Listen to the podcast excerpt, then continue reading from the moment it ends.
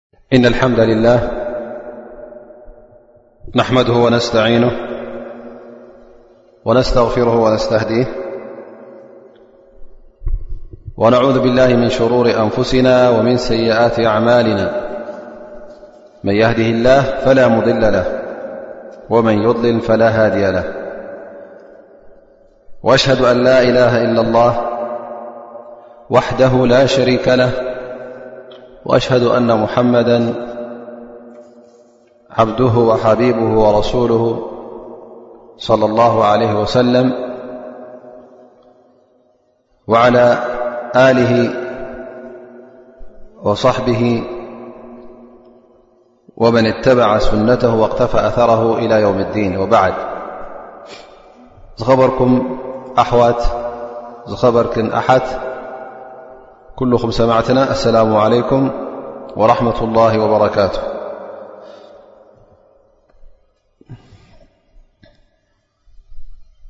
ናይ ሎሚ ሰሙናዊ ደርስና ኣብ ሓዲ ኣኣርባን እንሻ ላ ሓዲ መበል ዓሰርተ ክልተ ክኸውን እዩ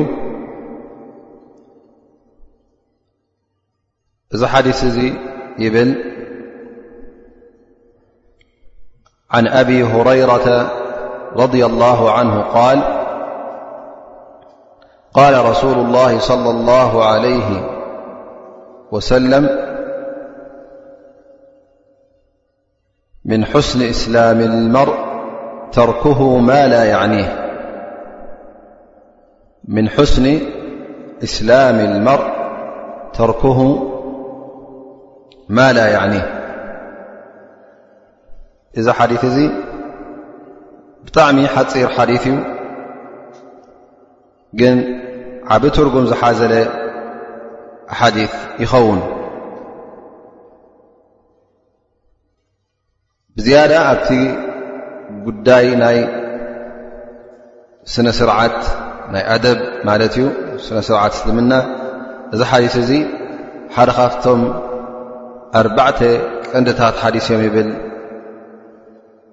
መሓመድ እብን ኣብ ዜድ ኢማም ልማሊክያ ፊ ዘማኒ ሓደ ካብቶም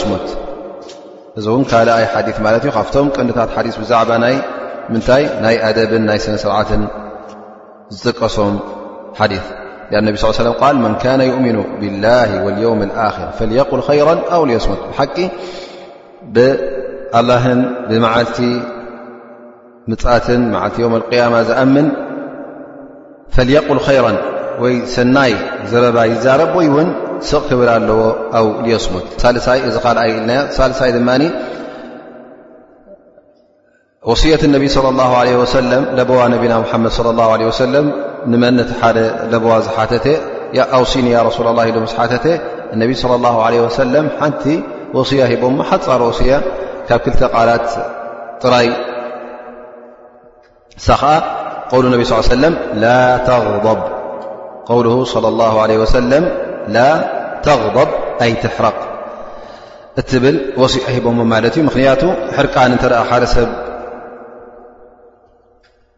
ካብ ሕርቃን እተ ርሒቑ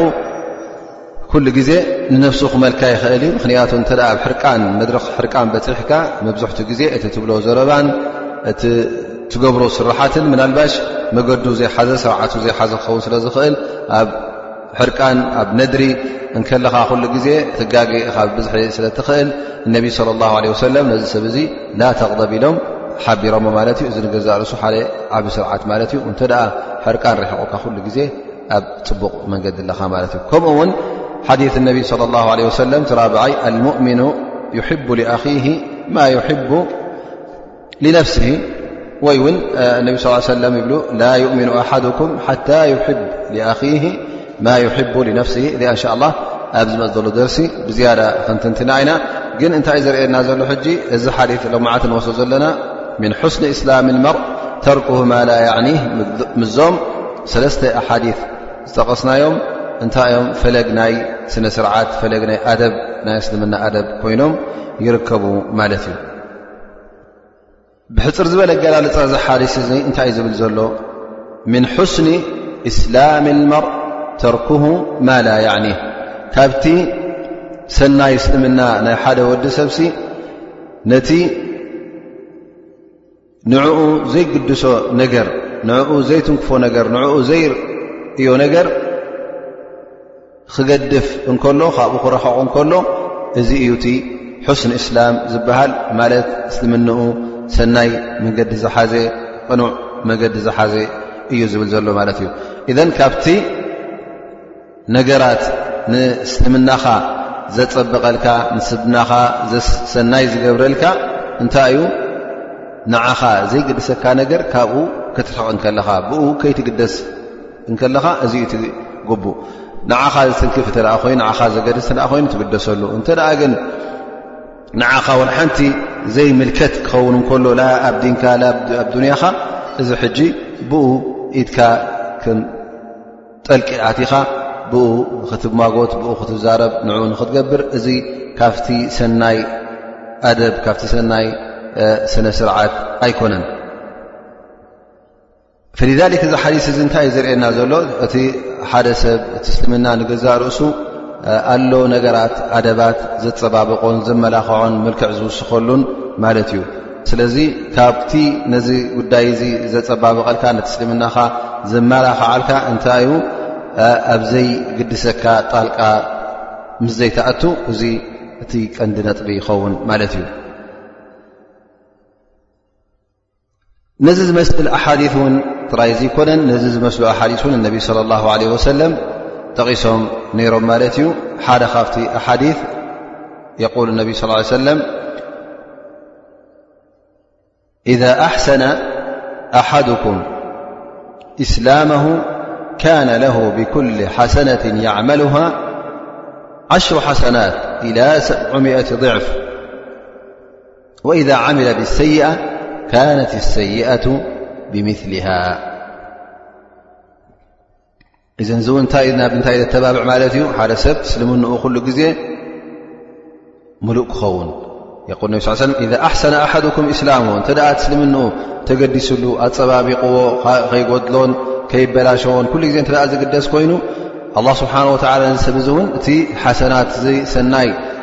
ተግባራት ዝገብሮ ፅቡቕ ተግባር ዝገብሮ ኣላ ስብሓን ወተዓላ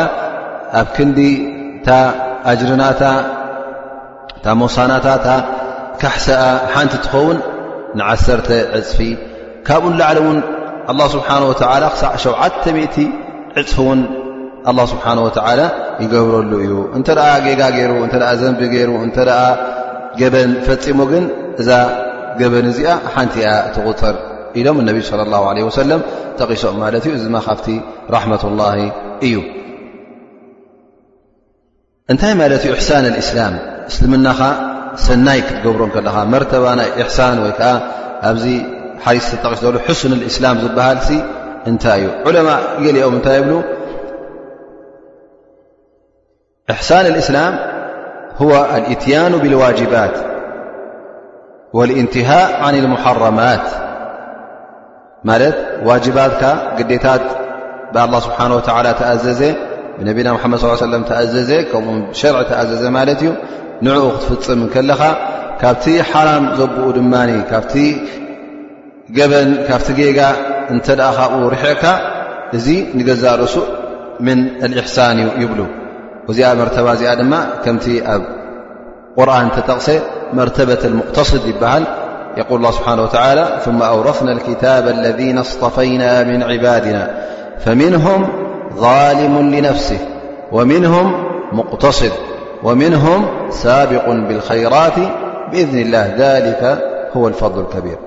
ኢዘ እቲ ሙቕተስድ ዝበሃል ቲዛሊም ነፍሱ ነፍሱ ዝዓመፀ እዚ ዘንብታት ዝፈፀመ ክኸውን ከሎ ሙቕተስድ ድማ እቲ ዋጅባት ኣላ ስብሓን ወላ ከምቲ ጠቐስናዮ ግዴታታት ንዕኡ ዝፈፀመን እቲ ሓራም ዘብኡ ካብኡ ዝረሓቀ ገለገለ ካብቲ ሱናን ነዋፍል ዝበሃል ድማ ንገለገለ ዝገብር ንገለገለ ከዓ ሸለል ዝብል ክኸውን ከሎ እዚ ሙቕተስድ ይኸውን እቲ ሳድቕ ብልከይራት ግን ነቲ ዋጅባት ፈፂሙ ነቲ መሓረማት እውን ጠንጢኑ ነቲ ሱናታት ን ኩሉ ዘማልእ ክኸውን ከሎ እዚ ሕጂ ካብቶም ሳብቂና ብልኸይራት ይኸውን ማለት እዩ ገለ ዑለማ ድማ የብሉ ኣልእሕሳን እዚ ሕስኒ እስላም ዝበሃል ግን መርተበኡ መርተባ ልዑል መርተባ እዩ ዝበሉ ኣለዉ እሱ ከዓ ኣን የኩን ፊ መርተበት ኣልእሕሳን ብማዕና ከምቲ ኣብ ሓዲ ጅብሪል ተጠቕሰ ነቢ ለ ላ ለ ወሰለም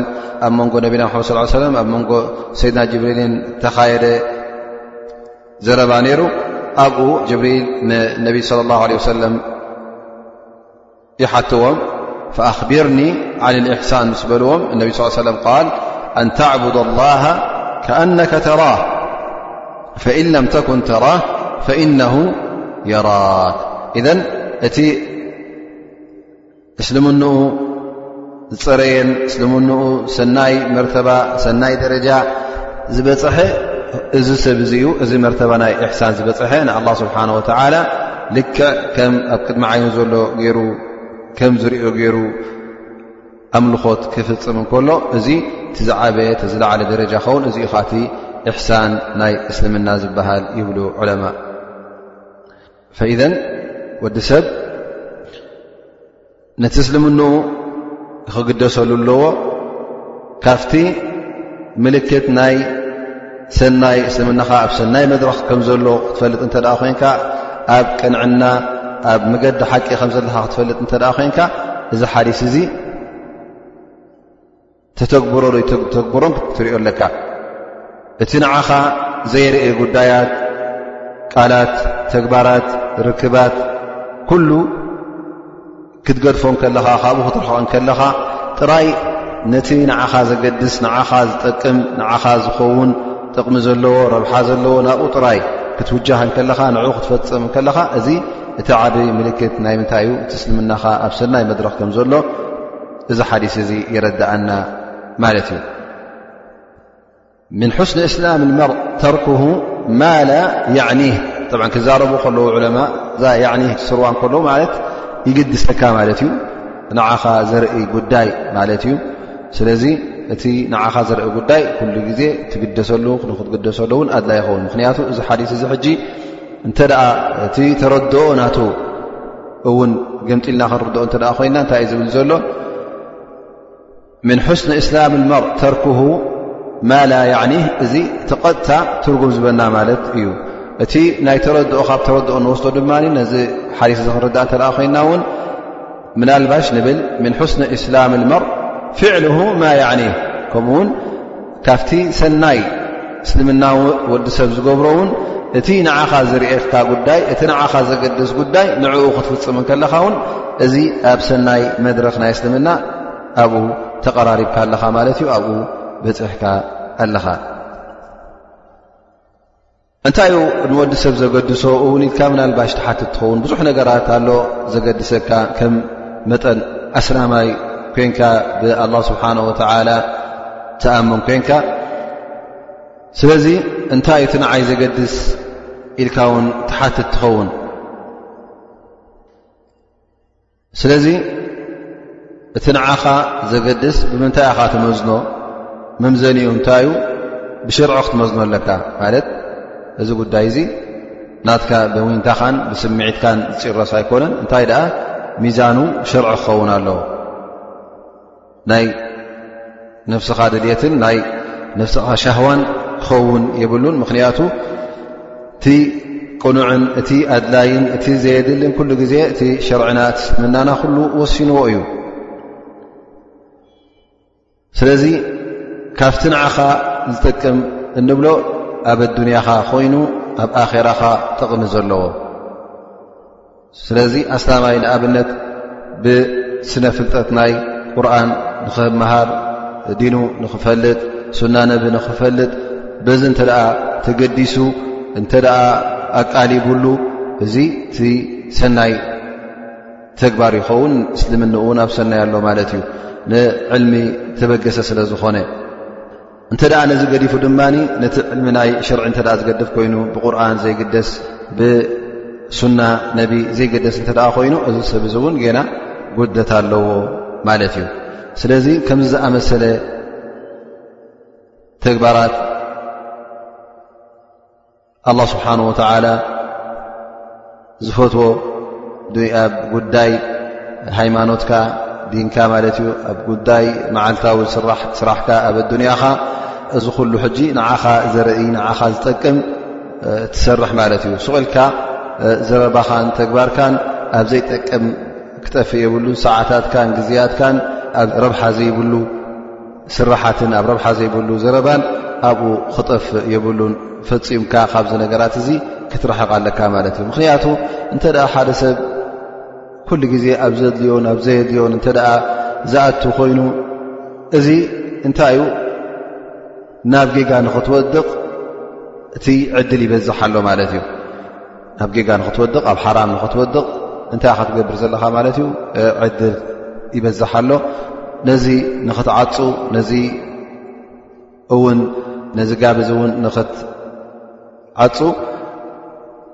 እንታይ ክትገብር ኣለካ ዘየድሊ ነገር ኩሉ ግዜ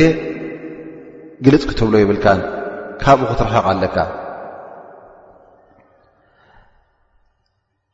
መብዝሕቱ ግዜ ዑለማ ብዛዕባ እዚ ጉዳይ እዚ እውን ክዛረቡ ከለዉ ኣበይ ናይ ጉዳይ ኣተኩሩ ኣብ ዘረባን ኣብ ምስማዕን ኣብ ምዝራብን ኣብ ምስማዕን መብዝሕቱ ግዜ ሰብ ኣብዚ ዘጥፍእ ግዜኡ ኣብዚ ጉዳይ እዚ ይጋገ ይብሉ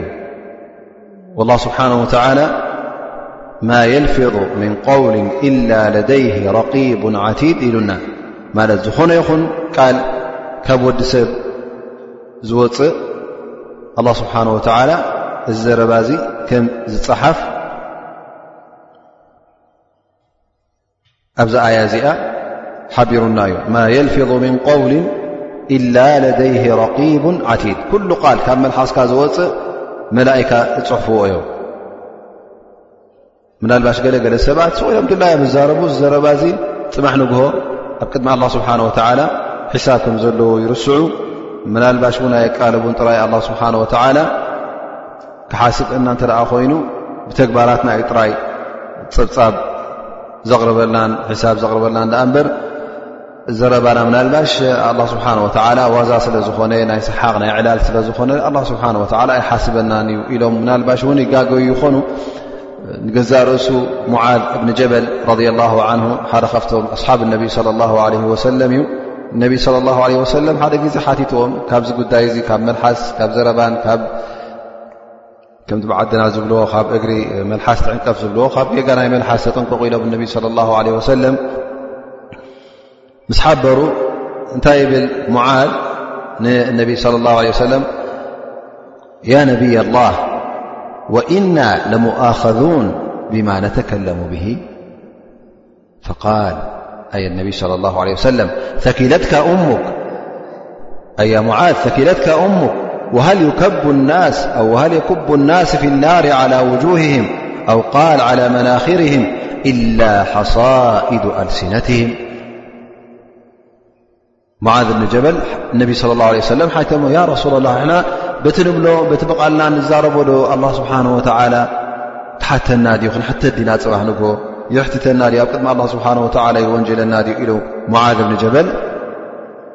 ምስ ሓተተ ነቢ صለ ላه ለ ሰለም እንታይ ኢሎም ለት ተኪለትካ እሙካ ያ ሙዓዝ ብ ኣብቲ ቋንቋ ዓረብ ከምዚ ኢልካ ኣዴኻ ትስኣንካ ማለት እዩ ግን ኣብቲ ዘረባ ክመፅእ እንከሎ እቲ ቃዕ ቀጥታ ትርጉሙ ኣይኮነን ዝድለ ላኪን እዚ ምንባብ ኣብቲ መቃመሚ ናይ ዘረባ ኣብቲ ቋንቋ ዓረብ ዝጥቀሙሉ እዮም ነሮም ማለት እዩ ፈየቁል ነብ ሃል የኩቡ ናስ ፊ ናር ዓላ ውጁህህም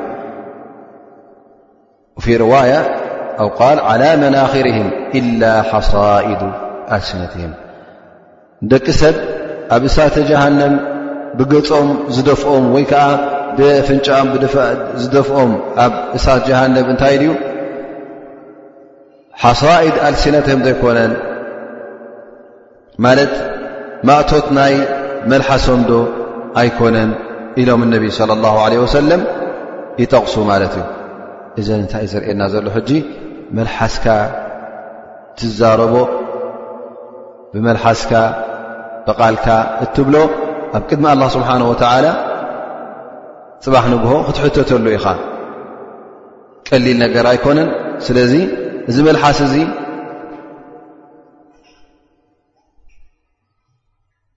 ትጋገ ስለ ዝኽእል ትሓሚ ስለ ዝኽእል ንሰብ ከባእስ ከናቑት ስለ ዝኽእል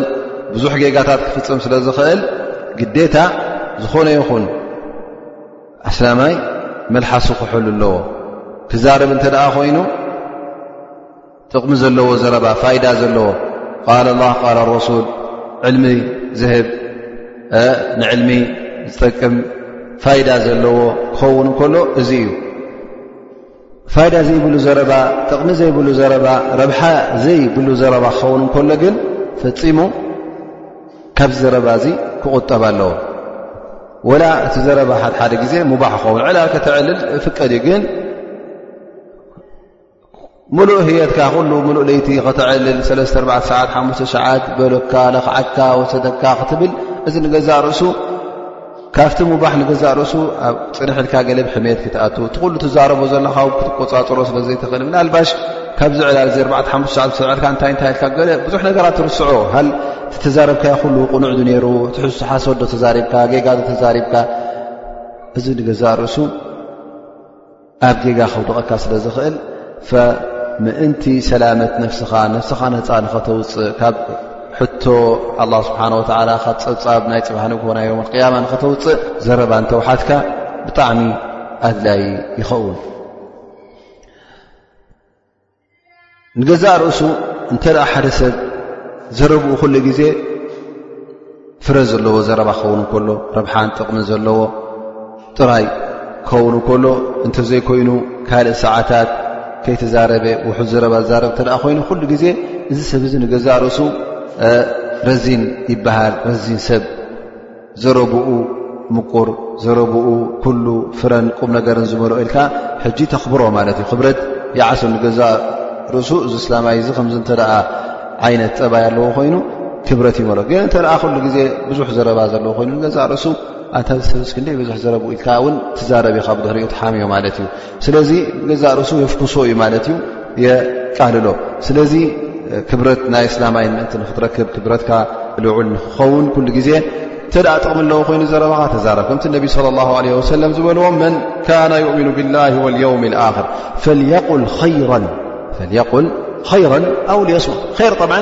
መዳዩ ሰፊሕ እዩ እዚ ኸይር እዚ ዕልሚ ምሃብ ኮይኑ ሓቂ ምዝራብ ኮይኑ ቁም ነገር ዘለዎ ዘረባ ንሰብ ምጥቃም ንሰብ ምምካር ንሰብ ምልባው ኣምር ብልማዕሩፍ ንሃይ ዓል ሙንከር ናገበርካ ጌጋ እንተዳርእኻ ንጌጋ ክትዕር ከለኻ ፅቡቕ ክትርኢ ከለኻ ድማ እዚ ፅቡቕ ክትብል ከለኻ ጌጋ ክትርኢ ከለኻ እዚ ጌጋ እዩ ረቢ ይፈትዎን ዩ ክትብል ከለኻ ዝኩሉ ሰናይ ር እዩ እዘን እዚ ሓዲስ እዚ እንታይ እዩ ዘርእየና ዘሎ ኩሉ ግዜ እቲ ኣድላይ ዝኾነ ነገር እንተ ደኣ ኮይኑ እተዎ ተዛረቦ ተገደሰሉ ብቓልካ ኮይኑ ብተግባርካ ኮይኑ ከምቲ ዝጠቐስናዮ ጠብዓ ኢልና ሕጂ ብዛዕባ ዘረባን ብዛዕባ ምስማዕን እውን ተዛሪቦም ሓደ ሰብ እውን ምናልባሽ ዘየድልዮ ይሰምዕ ዘየድልዮ ይሰምዕ ዳኣ ነዛ እዝኒ እዚኣ ካብ ርሑቕ ስለ ትሰምዕ ከምቲ ዘየድሊ ዘረባ ትዛረብ መልሓስ እውን እዛ እዝኒ እውን ሓደሓደ ግዜ ዘየድልያ ዘረባ እውን ምናልባሽ ትእክብ ትኸውን ክልተ ኣዕሩኽ ክልተ ኣሕዋት ሰብኣይን ሰበይትን ክዛረቡ ከለዉ እንታይ ትገብር እዝንኻ ኔው ስዲትካ እንታይ ይብ ኣለዉ እንታይ ኢሎም ከምዚ ኢሎም እናበልካ ሕጂ ትከታተሎም ማለት እዩ እዘን እዚ ንገዛ ርእሱ ዓብ ጌጋ ኸውን ማለት እዩ ስለዚ ን እዚ ነገር እዚ ንዓኻ ደገድስ ኣይኮነን ንዓኻ ዘርኢ ጉዳይ ኣይኮነን ሰብኣይ ምስ ሰበይቱ እንሻ ላ ይቋይቑዋሉ ይዛረብህሉ እማጎትህሉ እዚ እተ ንዓኻ ዘየርኢ እተ ጉዳይሲ ንስኻ ስለምንታይ እዝኻ ሰሊጥካ ፅን ትብል ፅባሕ ንግ ከምፅ ኢልዎ ከምዚ ኢኣ እልካ ኣብቲ ናፍትን ከተላኽዕ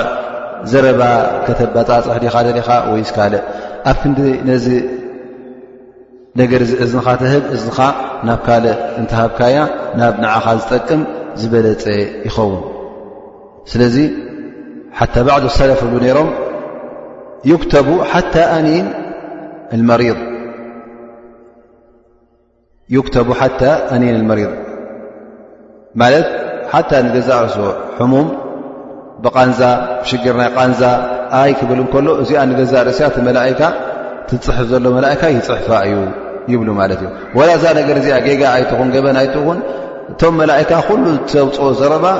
ይፅሕፍዎ ስለ ዝኾኑ ስለዚ እቲ ተውፅኦ ዘረባ ኩሉ ክትጥንቀቕ ኣለካ ማለት እዩ ከምቲ ዝጠቐስናያ ማ የልፊظ ን ን ዝኾነ ይኹን ዘረባ ዝኾነ ይኹን ካብ መልሓስካ ዝወፅእ ዝኾነ ይኹን ድምፂ ተድምፆ ክፀሓፍ እዩ ተፃሒፉ ግን እቲ ኣጅሪ ዘለዎን ኣጅሪ ዘይብሉን እቲ መቕፃዕቲ ዘለዎን መቕፃዕቲ ዘይብሉን ፅባሕ ንግሆ ኣላ ስብሓን ወተዓላ መምዩ ብኡ ክፈርደካ እዩ ስለዚ ኩሉ ግዜ እቲ ንሕና ንሰምዖ እቲ ንዛረቦ እዝንና እንህቦ ኩሉ ግዜ ንዓና ዘገድስ ንዓና ዘድሊ ክኸውን እንከሎ እዚ እዩ ትግቡእ እንተደኣ ዘየድልየካን ዘየገድሰካን ኮይኑ ግን ተጠንቀቕ ካብዚ ነገር እዚ ክትርሕቕ ኣለካ ማለት እዩ ልእሕሳን ኣብ እስልምና ኩሉ ግዜ ዓብ ኣብ ዝኾነ ይኹን ኣብ ብዙሕ ኣሓዲ ብዙሕ ምኽርታት ነቢ صለ ላه ለ ወሰለም ንረኽባ ማለት እዩ በል ከም መሰረት ናይ ኩሉ ተግባራት ወዲ ሰብ ናይ ኩሉ ተግባራት ኣስላማይ ኣብኣ ክምርኮስ ከም ዘለዎ ነቢ صለ ላه ለ ሰለም ይብሉ ካልእ ሓዲث እና ላሃ ከተበ ልእሕሳና ዓላ ኩል ሸይ እና ላ ከተበ ልእሕሳና ዓላ ኩል ሸይ الله سبحانه وتعالى زعبسناي نر كل ي الله سبحانه وتعالى كل تي إن الله كتب الإحسان على كل شيء فإذا قتلتم فأحسن القتلة وإذا ذبحتم فأحسنوا الذبح وليحد أحدكم شفرتهم وليرح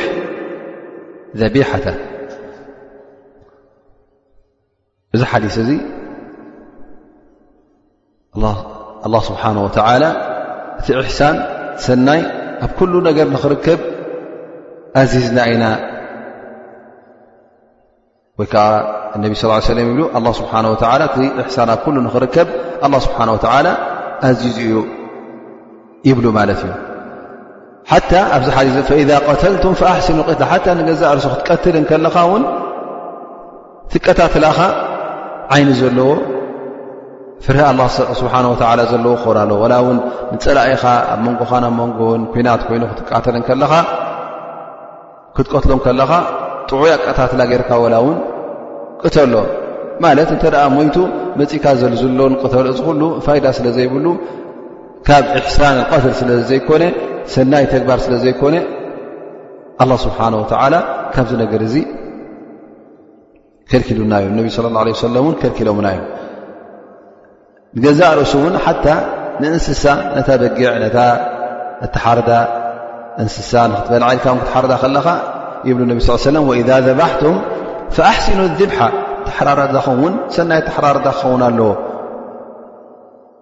ሙማት ሙማታ ኩላ ሓደ ኢልካ ብዝኾነ ኣይተሓርዳን ኢኻ እንታይ ደኣ ከምዚ ኣብዚ ሓዲስ እዚ ወልዩሕድ ኣሓድኩም ሸፍረታ ወልዩሪሕ ዘቢሓታ እታ ካራ ትሓርደላ ኩሉ ግዜ በላሕ ክትከውን ኣለዋ ምእንቲ እታ ትሕረድ ዘላ ቀልጢፋ ንኸትመውት ክትዓርፍ ማለት እዩ ذሊክ እዚ ንገዛ ርእሱ ትንፋስ እናሕለፍካ ከለኻ ናይዛ እንስሳ እዚኣ እውን ክትሓርዳ ከለኻ ከተቐንዝዋን ከተሳቅያን የብልካን ምክንያቱ እዚ ካብቲ ሰናይ ተግባር ካብቲ እሕሳን ስለ ዘይኮነ ላ ስብሓን ወተላ እቲ እሕሳን ንገዛ ርእሱ ኣብ ኩሉ መዳያት ንኽርከብ ኣዚዙ እዩ እሞ እቲ ዝዓበየ ደኣ እንታይ ጉዳይ ዲንካን ጉዳይ እስልምናኻን ጉዳይ ነፍስኻን እዚ እቲ ዝዓበየ ጉዳይ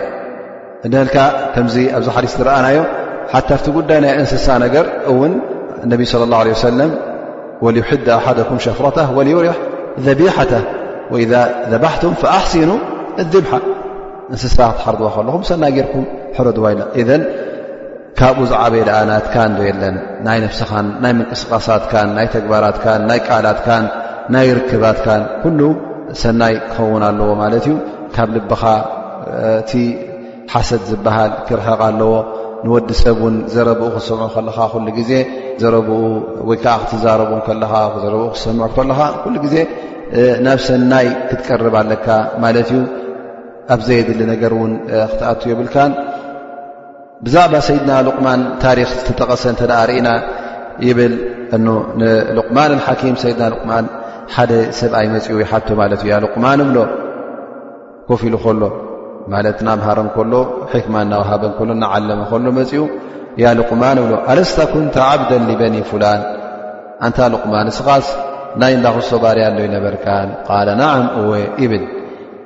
ቃል ኣለስተ ኩንተ ተርዓ ልغነመ ፊ ጀበሊ ከذ ቃል ናዓም ጓሳ እንዶ ነበርካ ናብ ከም ዝኣመሰለ ጎቦ ከም ዝኣመሰለ ቦታ ኢሉ ይሓቶ እወ እብሎ ብድሕሪ ይብሎ ቃል ማ በላغ ብካ ማ ኣራ ኣን እንታይ ደኣ ኣሉ ኣብዚ መርተባ እዚ ኣብዚ ደረጃ እዚ ኣብዚ መድረኽ እዚ ዘብፅሓካ ንሰብ ክተምህርን ንኽትዕልምን ፍልጠት ንኽትብን ተረኸብካ ኢሉ ይሓቶ ቃል ቀደሩላ ቀዳማይ ነገር እዚ ረቢ ዝቀደሮ እዩ ብድሕሪኡ ድማ ወስድቁ ሓዲ ኣነ ድማ ፈፂሚ ሓሶት ዝዛረባ ኣይነበርኩን ዛረባይ ኩሉ ቅኑዕ ሓቂ ስለ ዝነበረ ታሳልሰይቲ ብዛ ሓዲትና ናይ ሎም መዓልቲ ተኣሳሰረት ቃል ዓደም ድኹሊ ፊማ ላ ያዕኒኒ ከምኡ ውን ኣብ ዘየድልየኒ ነገር ስለ ዘይኣቱ ኣብ ዘየድልየኒ ነገር ውን ይኣቱ ስለ ዘይነበርኩ እዚ ዩ ንዓይ ኣብዚ ደረጃ እዚ ኣብፅሑኒ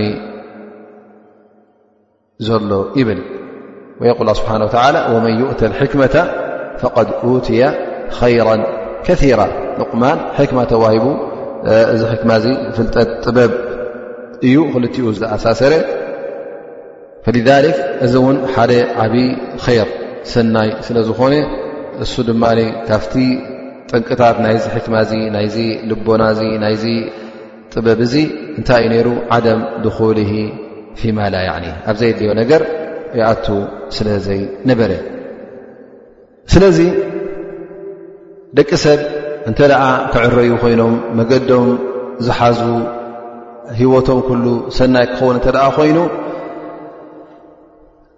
እቲ መነባብሮ እውን ክዕረን ክመዓራረን እንተ ደኣ ኮይኑ እዚ ጠባይ እዚ ሒዝና ክንከይድ ከለና እዩ ዝኾነ ይኹን ኣስላማይ እንተ ደኣ እዚ ሓዲስ እዚ ኣብ ነፍሱ ኣብ ገዝኡ ኣብ ስርሑ ኣብ ምንቅስቓሳቱ ኣብ ንጥፈታቱ ኣተግቢርዎ ደረቱን ዶቡን ፈሊጡ እንተ ደኣ ተንቀሳቒሱ ህይወት ወዲ ሰብ ህይወት ናይቲ እነብሮ ህብረተሰብ ስርዓት ዝሓዘ ምኾነ ነይሩ ቀጥ ኢሉ ምኸደ ነይሩ ግን መብዝሕትኡ ግዜ እንታይ ኢና ንርኢ እቲ ናፍቲ ዘየገድሶ እንተ ደኣ ሓቲትካዮ ዕስራ ካብ ሚእቲ ሰላሳ ካብ ሚእቲ ካብ ግዜኡ ኣብ ዘገድሶ ነገር ከጥፍኦ ከሎ እቲ ዝተረፈ ሰብዓ ካብ ሚእቲ ኣብ ዘየድልዮ ጣልቃ እናእተወ ዘየድልዮ ዘረባ እናተዛረበ ኣብ ዘይስርሑ እናእተወ ዘጥፍኦ ሰብ ንረክብ ማለት እዩ ምኽንያቱ እዚ እንታይ ገይሩ እቲ ከመይ ገይሩ እቲ ኣበሎ እቲ ከመይ ገይሩ መፅኡ እናበለ ነትን ነትን የለኻኻዕ ማለት እዩ ምናልባሽ እዚ ጉዳይ እዚ ኣብ ምንታይ ተብፅያዳ ክነብሮ ክበርሃልና እተ ኮይኑ ሰባት ኣለዉ ንኣብነት ብዝያዳ እቲ ጉዳይ እተ ርእናዮ ምናልባሽ ኣሕዋትና ኣብተን ደቂ ኣንስትዮ ዕላል ስለ ዝፈትዋ ኣብቲ ዕላለን ኣብዚ ነገር እዚ ብዙሕ ነገር ክወጥቃ ክእል ንኣብነት እንተ ሓንቲ መሓዘአን ሓፍተን ገለ ተመርዕያ ምስ ሰብኣያ ፅቡቕ ትነብር ብዘየገድስ እንታይ ኣለዎ እንታይ ይብሉን ወላ ሓንቲ ነዚ ነገር እዚ ከይተገደሰትሉ ፅቡቕ እናኸለት ከላ ምናልባሽ መሓዛኣ ትመፃ ሓፍታ ትመፃ ኣዲኣ ትመፃ ገዛኣ መፅአን ክሪኣ እንከለዋ እንተ እቲ ኣብ ገዛ ዘሎ ኣቑሑት እንተ ዘይዓጀበን ትገዛ ኣቀማምጥኡን ዘይዓጀበን እኣ ከመይ ጌርክ ኣ ከምዚ ኣብዚ ትነብርለኺ ከምዚ ከምዚ ግበርለይ ዘይትብሉ እዚ ግበርለይ ደ ትብልዮ በዓል ክሶን ክሶን ከምዚ ኣይገብረለንን እዩ ሰብኣየን እናበላ ሕጂ ይኣትዋ ማለት እዩ እዚ እንታይ ይመስላ ንኣብነት ዕላል መስላ ግን እዚ ነገር እዚ ንዓ ዝርኢ ኣይኮነን እዛ ሰብ እዚኣ ምስ ሰብኣያ ብሰላም ብፍቕሪ ትነብር ኣላ እሞ ሕጂ እዘን ሰባት እዚአን መፅአን ኣብ ዘየድልየን ጣልቃዓት እየን እቲ ምዉቕ ዝነበረ ፍቕሪ ዝመልኦ ዝነበረ ስድራ ንዕኡ እንታይ የእትዋ ኣለዋ ማለት እዩ ሕንፍሽፍሽ የእትዋ ኣለዋ ብዘየድልየን ኣትየን ዘይ የድልየን ዘረባ ተዛሪበን ይኸዳ እዚ ዘረባ እዚ ፅባሕ ንግሆ መባኣስን መናቆትን ይኸውን ማለት እዩ ኣብ መንጎ መን ኣብ መንጎ ሰብኣይን ኣብ መንጎ ሰበይትን እዚ ሕጂ እንታይ ዝርእየና ዘየድሊ ዘረባ ምዝራብ ኩሉ ግዜ ኣየድልን እዩ ዘረባና ኩሉ ግዜ ረቢ ዝፈትዎን ረቢ ዝደልዮን ጥራይ ክኸውን ኣለዎ ኣብዘይ የድልየና ነገር ክንኣቱን ክንዛረብን የብልናን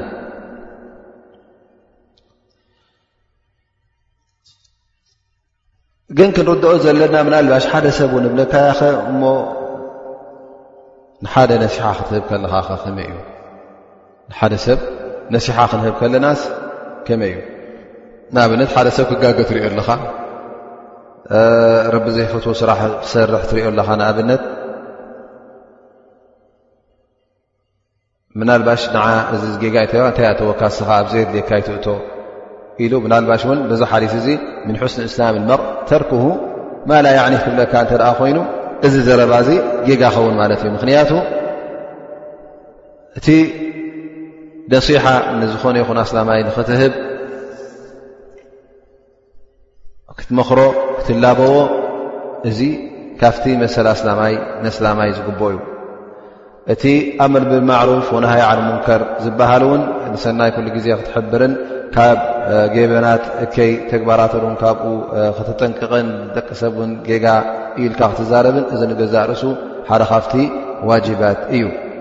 ከምቲ ቅድሚ ሕጂ ዝጠቐስናዮ እነቢ ስ ሰለም ቃል ኣዲኑ ነሲሓ ቁልና ሊመን ያ ረሱላ ላ ኢሎም እውን ምስ ሓተቱ ካብቶም ዝተጠቐሶም ወሊኣእመት ሙስልሚን ዓመትም ማለት ንኩሎም ኣስላምን ነቶም ኣእማ እቶም መራሕትን እቶም ዓመት ሙስልሚን ኩሎም ቶም ሓፋሽ ኣስላም እውን ክትመኽሮም ሰናይ ኣበይ ከም ዘሎ ክትነግሮም ጌጋ እንተ ኮይኑ ጌጋ ኢልካ ክትሕብሮም ከለኻ እዚ ንዓኻ ዝገድስ እዩ ምክንያቱ ትዛረቦ ዘለኻ ፋይዳ ዘለዎ ጥቕሚ ዘለዎ ዘረባ ስለ ዝኾነ እምበር እዚ ኣብ ዘይድልካ ኣቲኻ ጣልቃ ኣይበሃልን እዩ ምክንያቱ እዚ ንዓኻ ዝርኢ ጉዳይ እዩ ምክንያቱ ተኣዚዝካ ካብ ኣላ ስብሓን ወተላ ጌጋ እንተ ርኢኻ ጌጋ እዩ ንኽትብል ንጌጋ ነዚ ጌጋ እዚ ንኽትዕርዮ ዋጅብ እንተ ተገዲፉ ማዕሩፍ እተ ዘይግበር ኣሎ ኮይኑ እውን ነዚ ማዕሩፍ እዚ ንክግበር ንኸስፋሕፍሕ ክትዛረብ ኣለካ ክትቃለስ ኣለካ ማለት እዩ ስለዚ ምናልባሽ ኣብዚ ጌጋ እዚ ንኸይንወድቕ ገለገለ ሰብ እውን ጌጋ ከይርድኡ እቲ ንዓኻ ኣይርእን እዩ ዝበሃል ነገር እንታይ እዩ እቲ ናባኻ ንዓኻ ጥቕሚ ዘይብሉ ነገር ክኸውን ከሎ ኣብ ኣዱንያኻን ኣብ ኣኼራኻን ፋይዳ ዘይብሉ ኣጅሪ ናይ ኣዱንያ ዘይትረኽበሉን ኣጅሪ ናይ ኣኸራ ዘይትረኽበሉ ነገር ክኸውን እንከሎ እዚ ነገር እዚ ኣይትቐርቦን ኢኻ ግን እንተ ደኣ ኣጅሪ ናይ ኣኼራ ትረኽበሉ ኮይንካ ኣምር ብልማዕሩፍ ኮይኑ ምምካር ኮይኑ ንሰብ ምሕባር ኮይኑ ዳዕዋ ምግባር እንተ ኮይኑ ወላ እውን እቶም ትዛረቦም ዘለኻ ሰባት እዚ ነገር እዚ ዘእትወካ ኣይኮነን ይበሉካ ደኣ እምበር ኣላ ስብሓን ወተዓላ ዳዕዋ ግበር ስለ ዝበለካ ኣላ ስብሓን ወተላ ኣምር ብልማዕሩፍ ግበር ወናሃይ ዓል ሙከር ስለ ዝበለካ ኣምር ብልማዕሩፍ ክትገብር ናሃይ ዓል ሙከር ክትገብር ሰብ ንክትመክር ነሲሓ ንክትገብር ሰናዮም ደሊኻ ነቲ ሰናይ ክትሕብሮም ከለኻ እዚ ፋይዳን መስላሓን ጥቕምን ረብሓን ንዓኻ ኣጅር ኣለዎ ነቲ ሓዉኻ ኣስላማይ እውን ነቲ ሓዉኻ ካልእ ዓሌት ን ይኹን ካልእ ዲን ይኹን ናብ ር ናብ ሰናይ ክትሕብሮ ከለኻ እዚ ንኡ ዝጠቕሞ ስለ ዝኾነ እዚ ፈፂሙ ንዓኻ ዘርኢ ጉዳይ ኣይኮነ ናይ በሃል ዩ በል እዚ ንዓኻ ዘርኢ ጉዳይ እዩ ካልኣይ ነገር እውን ናይ ኣዱንያ ነገር እተ ኮይኑ ስራሕ ትረብሓሉን ትኸስበሉን ፍልጠት ትውስኸሉን እቶትካ ትድርበሉን ብሓላል እተ ኮይኑ ውን እዚ ጉዳይ እዚ ተገዲስካ ንክትሰርሖ ምንም ጌጋ ኣይኮነን ክትሰርሕ ኣለካ ምክንያቱ ናይ ኣዱንያ ፋይዳ እውን ስለ ትረኽበሉ ዘለካ ኣብ መጨረሻ ክንብሎ ንኽእል እዚ ሓዲስ እዚ ካብቲ እንጥቀሞ ሕፅር ሕፅር ዝበለ ፋይዳታት ክንጠቅስ እንተ ኮይና ብሓፈሽኡ ምስ ተዛረብናሉ ተን ኩና ኣርባዕተ ነጥቢ ኮይነን ንኣብነት እተን ፅሟቕ ናይዚ ሓዲስ እዚ ኣብአን ክንፀምቀን ንኽእል ቀዳማይ ነገር እዚ ሓዲስ እዚ እንታይ እዩ ዝብለና ዘሎ ግዜና ኩሉ ክንጥቀመሉ ከም ዘለና ንግዜና ክንግደስ ብግዜና ክንግደስ ከም ዘለና ስለዚ ዝኾነ ይኹን ወቕቲ ፅባሕ ንጎ ክትሕተተሉ ስለ ዝኾንካ ኣብ ቅድሚ ኣላ ስብሓን ወተዓላ እዚ ሰዓታት እዚ ግዜያት እዚ ኣብ ር ኣብ ጠቕሚ ኣብ ረብሓ ዘለዎ ነገር ክትጥቀመሉ ይግባእካ ኣብ ረብሓን ኣብ ጥቕሚ ዘለዎ ነገር ከተሕልፎ ኣለካ ፈፂሙ ዝኾነ ይኹን ግዜ ኣብ ዘይጠቅም ነገር ኣብ ረብሓ ዘይብሉ ነገር ከተጥፍኦ ከም ዘይብልካ እዘን እስትስማር ኣልወቅት ግዜና ክንጥቀመሉ ከም ዘለና ክነራብሖ ንጥቕምና ክንገብሮ ከም ዘለና ከምኡ እውን እዚ ሓዲስ እዚ ንምንታይ ደፋፍኣና ዘሎ ካብ ኩሉ ረብሓ ዘይብሉ ዘይጠቅም ነገራት ፍረ ዘይብሉ ነገራት እውን ፈፂምና ክንግደሰሉ ከም ዘይብልና ካብኡ ክንርሕቕ ከም ዘለና እቲ ኩሉ ንግደሰሉን ተገዲስና እውን ግዜናን ፀዓትናን ክእለትናን ኩሉ እንህቦ ድማ ነቲ ፋይዳ ዘለዎ ነገር ነቲ ልኡል ክቡር ዝኾነ ነገር ክኸውን ኣለዎ ናብቲ ክቡር ናብቲ ልኡሉ ናብኡ ከነተኩር ኣለና ዳኣ እምበር ኣብቲ ሕሱርን ውዱቕን ናብኡ ፈፂምና ግልፅ ከምዘይብልና ዘየድሊ ዘረባ ዘየድሊ ዕላል ዘየድሪ በለካ ላክዓካ እዚ ከምዚ ኮይኑ ኣብቲ ኮይዱ እዚ ክዳን እዚ ስለምንታይ ከምዚ ገርካዮ ስለምንታይ እዚ ክዳን ተኸዲንካ ትኸይድ ኣለኻ ስለምንታይ ዝብልዕ ዚ ዘይትበልዕ እናበልካ እዚታት ምሕታት ኣየድልን እዩ ሓደ ሰብ ብለካ የ ከኣነ ተመርዕየ ከምዝኣመሰለ ክብለካ ከሎ ኣብ ክንዲ መብሩክ ረቢ ባርክልካ ትባርኾ እሞ እዛ ሰበይቲ እዚኣ ጓል መን እያ ከመይ ጌርካ ረኺብካያ መዓስ ነሩ እቲ ሕፀኹም ኣበይ ከተፋሪጥካ የልካ ስቕልካ ዘየድሊ ሕቶታት ክትሓት ከለካ እዚ ኣየድልን እዩ ስለዚ እዚ ሰብ እዚ ትብር ተፈጥካ ምብሩክ ትብሎ እቲ ዝግባእ ድዓ ትገብረሉ ዳኣ እምበር ንዓኻ ዘየርአ ነገራት ክትሓትት ኣየድልን እዩ ከምኡ ውን ሳልሳይ ነጥቢ እዚ ሓዲስ እዚ እንታይ ዘርእና ዘሎ ነፍሲ ወዲ ሰብ ኩሉ ግዜ ምናልባሽ ኣብ ዘይድሊ ነገራት ግዜኣ ተጥፍእ ትኸውን ስለዚ ንዛ ነፍስኻ እዚኣ ክትቃለስ ከም ዘለካ እዛ ነፍሲ እዚኣ ቃልሲ እዩ ዘድልያ ሙጃሃዳ መገዲ ሓቂ ኣትሒዝካያ ንኽትከይድ ብቕንዕና ንኽትከይድ እንተ ደኣ ኮይኑ እዛ ነፍሲ እዚኣ ሱቕ ኢላ ባዕላ ኣይትኸደልካን እያ እንታይ ደኣ ኩሉ ግዜ ምቅላስ የድልያ ማለት እዩ ምኽንያቱ ሻህዋ ኣሎ ዊንታ ናይ ነፍሲ ኣሎ ናይ ስምዒትካ ምርዋያ ኣሎ እዚ ኩሉ ካብቲ ትእዛዝ ኣላ ስብሓን ወተዓላ ዝወፅ ክኸውን ስለ ዝኽእል ኩሉ ግዜ ነፍስና ክንቃለስ ከም ዘለና ኩሉ ግዜ እዛ ነፍስና ዝበለትና ንየማንኪ ፀጋምኪ ዝበለትካ ወንታኻ ጎይታኻ ክኸውን የብሉን እንታይ ደኣ ኩሉ ግዜ ጎይታኻ ኣላ ስብሓን ወተዓላ ስለ ዝኾነ ትእዛዛት ኣላ ስብሓን ወተዓላ ጥራይ ሒዝካን ነዚ ትእዛዛት እዚ ከተተግብር ክትቃለሳ ኣለካ ማለት እዩ ነብስኻ እውን ክትቃለሳ ኣለካ ከምኡ ውን ካብቲ ፋይዳታት ዝሓደ ዝንጥቀሞ ራብዓይ ነጥቢ ማለት እዩ ኩሉ ግዜ እንተ ደኣ ኣብ ዘየድልየካ ነገር ጣልቃ ተኣት እተ ኮንካ መብዝሕቲ ግዜ ወይ ከዓ ኩሉ ግዜ ኣበዩ እዚ ባእስን ምግርጫውን እዩ ትርፉ ምክንያቱ ኣብ ዘይድልካ ነገር ክትኣት ከለኻ እቲ ቅድሚኻ ዘሎ እውን እንታይ ኣተወካ ክብለካ እዩ እስኻ ድማ ክትመልሰሉ ኢኻ እሱ ክምልሰልካ እዩ እንታይ ይኸውን ማለት እዩ መጨረሻ ባእስን ምንቋትን ምቅታልን ይኸውን ማለት እዩ ስለዚ እዚ ሓዲስ እዚ ንገዛ ርእሱ ንሕና ብሰላም ንክንነብር እንታ ኣስላማይ ብሰላም ምእንቲ ንክትነብር ኣንታ ኣስላማይ ምእንቲ ኣብ ኣዱንያኻ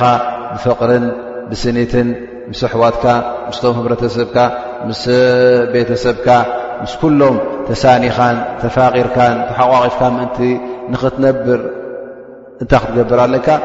እዚ ሎምዓት እዚ ዝተንተናዮ ሓዲት ክተተግብር ኣለካ ማለት እዩ ምን ሑስኒ እስላም መርእ ተርክሁ ማላ ያኒ ክንደይ ሰብ ኣሎ ብሰንኪ ኣብ ዘይድዮ ነገር ብምእታው ምስ ሓዉ ተባእሰ ምስ ስድራ ቤቱ ተራሓቐ ምስ ኣዝማዱ ዘይልከፍ ዘይቅረብ ኮይኑ ዝነብር ስለዚ እዚ ሓዲስ እዚ ዓበ ሓዲስ እዩ እዚ ሓዲስ እዚ ዓብዪ ምኽሪ ዓብዪ ለበዋ እዩ ነቢ ስለ ላ ለ ወሰለም ገዲፎምና ዘለዉ ሓፂር ሓዲት ዓብ ትርጉም ዝሓዘለ ዓብ ፍረ ዓብ ፋይዳ ዝሓዘለ ስለ ዝኾነ ኩላህና ኣሕዋት ኣሓት ነዚ ሓዲስ እዚ ንኸነተግብር እንሻ ላ ለይትን መዓልትን ክንቃለስ ኣለና ኣላ ስብሓን ወተዓላ ድማ ደገፉን ሓገዙን